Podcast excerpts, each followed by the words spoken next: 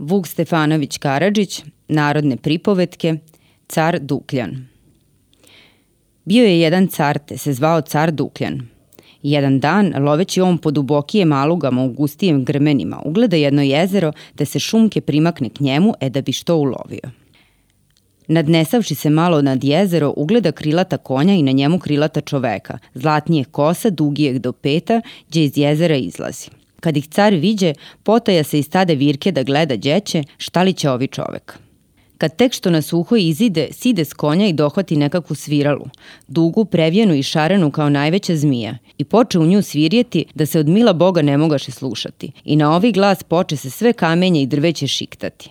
Car se uplaši pa zapne strijelu na ovoga čoveka i ljuto ga obrani kroz oba dva krila.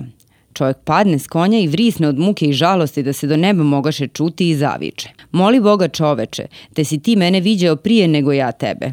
Pošto car viđeđe obrani čoveka, pritrči k njemu s golom sabljom, a on fuk te u jezero onako ranjen. Onda car uhvati onoga konja, uzjaše ga te s njim bježi doma ali tek što ga biješe uzdjahao iznikoše i kralju krila, a kralj se prepade te siđe s njega i uhvativši ga za fuzdu povede ga i malo idući nestade mu krila te tako doma dođe. Došavši doma kaže sve što se zbilo i konja uvedu u konjušnicu među ostale konje.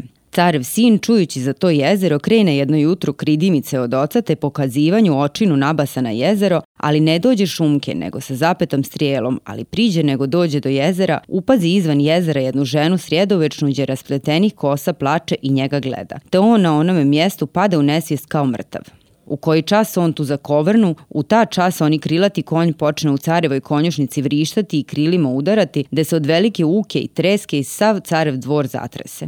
Car skoči da vidi šta mu je, dok konj reče caru.